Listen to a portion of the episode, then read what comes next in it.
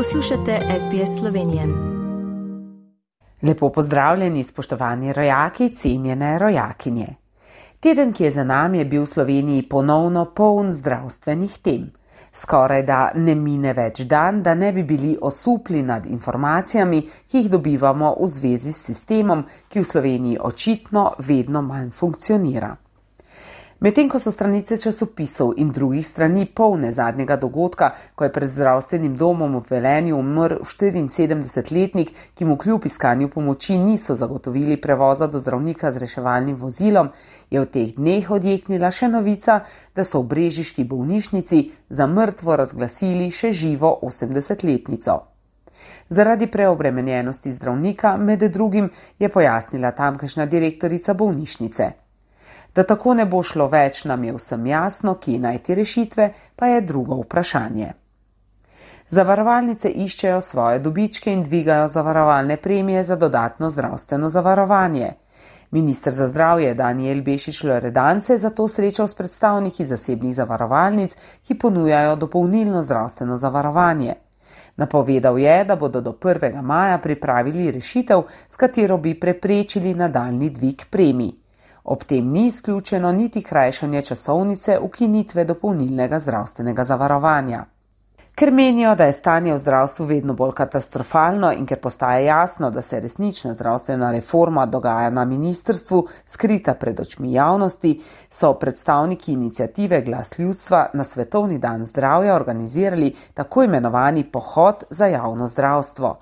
Pred ministrstvom za zdravje se je zbrala množica ljudi in od vlade zahtevala konkretna dejanja in takojšnje ukrepanje. Na to so krenili na pohod po ljubljanskih ulicah. Številni v rokah nosijo transparente z napisi ne dopolnilnemu zavarovanju, ne dvoživkam in ne privatizaciji zdravstva.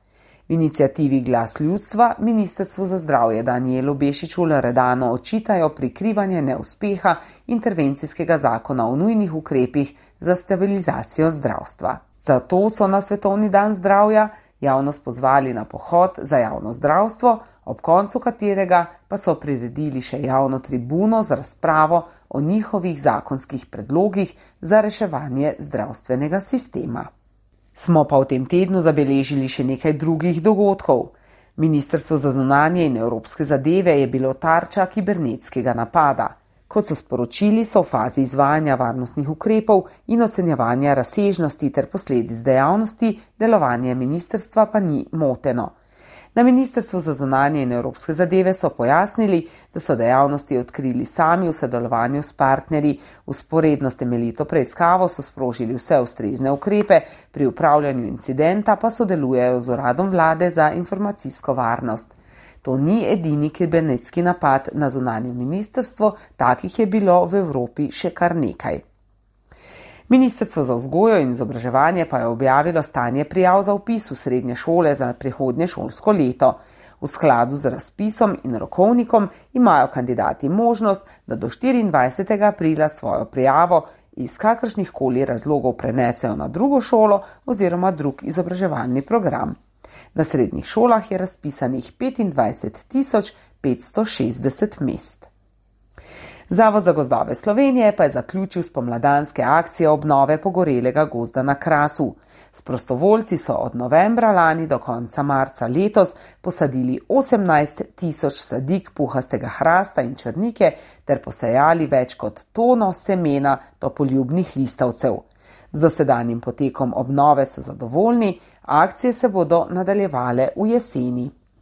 V devetih akcijah obnove, v katere so bili vključeni prostovoljci, šole, organizacije in podjetja, pa je sodelovalo več kot 2200 posameznikov. V naravo se bomo v tem prazničnem koncu tedna zagotovo bolj pogosto odpravljali. Zato zdravstvena stroka že svari pred cepitvijo pred klopnim menegitisom. Ta je v Sloveniji precej razširjen in seveda tudi zelo nevaren.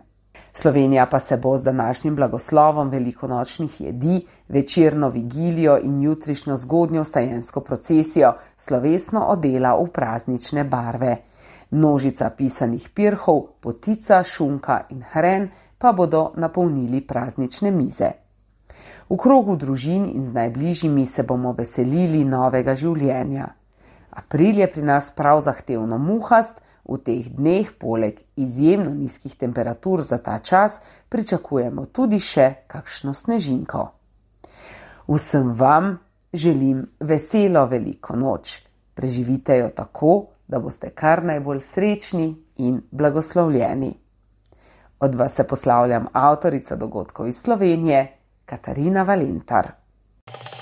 Želite slišati sorodne zgodbe? Prisluhnite jim preko Apple ali Google podcasta, preko aplikacije Spotify ali kjerkoli drugje.